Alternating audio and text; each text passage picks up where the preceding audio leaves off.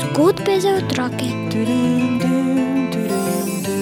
Lepe zgodbe.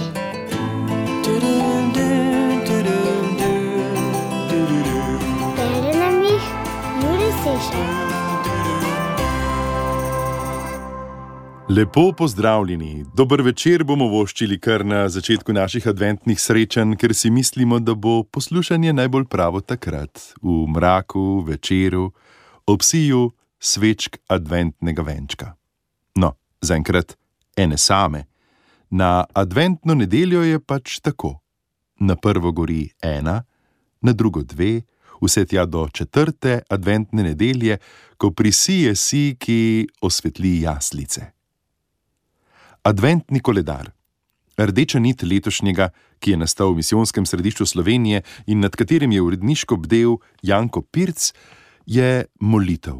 Molitev otrok za otroke. Molitev, ki nas povezuje z Bogom in podpira naše delo misionarjev.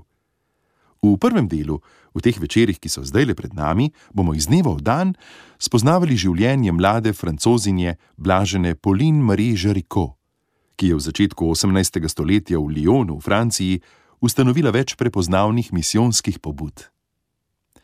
Poleg molitve in duhovne podpore pa smo poklicani v adventu tudi k konkretnim dejanjem pomoči do bližnjega. Ker večina od nas pač ne more oditi v misijone, lahko našim misionarjem najlažje pomagamo s finančnimi darovi. In k tej solidarnosti vabimo tudi otroke v Sloveniji. V drugem delu adventnega koledarja bomo prebirali doživetje naših slovenskih misionarjev, o tem, s kakšnim veseljem otroci v misijonskih krajih molijo, kako je misionarjem konkretno pomagala molitev.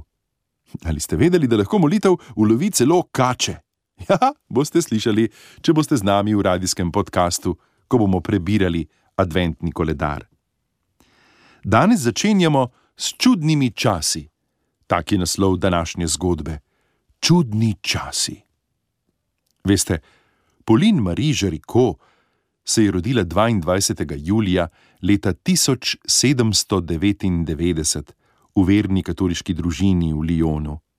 To je bil čas velikih družbenih pretresov. Nekaj let prej je v Franciji potekala znamenita francoska revolucija, ko so meščani in delavci odstavili kralja, plemiči so izgubili svoje posebne pravice in od takrat naprej ne bi vsi živeli v svobodi, enakosti in bratstvu, kot je bilo geslo revolucionarjev. Toda, kot vedno na tem svetu, ta enakost ni bila za vse enaka. Za marsikoga je bilo življenje trdo in težko. Zaradi težkega življenja so mnogi hiteli v mesta, če pa v mestu niso dobili dela, je bilo tam še težje preživeti kot na deželi. Kdor je dobil delo v kakšni tovarni, je moral delati dolge ure v težkih pogojih in je zaslužil komaj zadosti za svoje preživetje. Skratka, življenje je bilo težko. In veliko je bilo revnih ljudi. Naša Paulin je imela drugačno izkušnjo. Njena družina je bila bogata. Oče Antoine je bil lastnik tovarne in trgovec svilo, ki so jo uporabljali za najdragocenejše obleke. Paulin je bila sedmi, in najmlajši otrok v družini. Vsi so se razveselili njenega rojstva in kmalo je postala ljubljenka vseh. Mati Žan je bila zelo pobožna in je svoje otroke navajala k molitvi in k pomoči bližnjim. Na dan svojega rojstva je Paulin prejela sveti krst. V ta namen so starši poklicali duhovnika, ki je ostal zvest papežu. Veste, v času po francoski revoluciji namreč niti to ni bilo povsem jasno, da so vsi duhovniki zvesti papežu.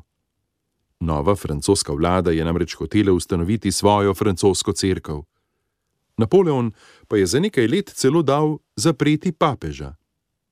Bili so to čudni časi, velikih prevratov in sprememb, a težki časi rodijo velike ljudi. In takšna je bila naša Paulin, ki pa v prvih letih svojega življenja ni kazala posebnega zanimanja za ljudi v stiski.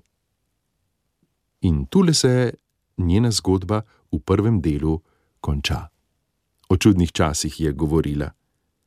Naloga bo vsak večer, vsak dan dodana zgodbi. Današnja je: Premisli, kakšni so časi danes. O čem se pogovarjajo odrasli in kaj misliš o tem? Zmoli zdrava Marijo za vse, ki so danes v stiski. Jutri pa bomo nadaljevali zgodbo o mladi spogledljivki. Tak je naslov zgodbe, ki pride na vrsto v ponedeljku, prvega adventnega tedna.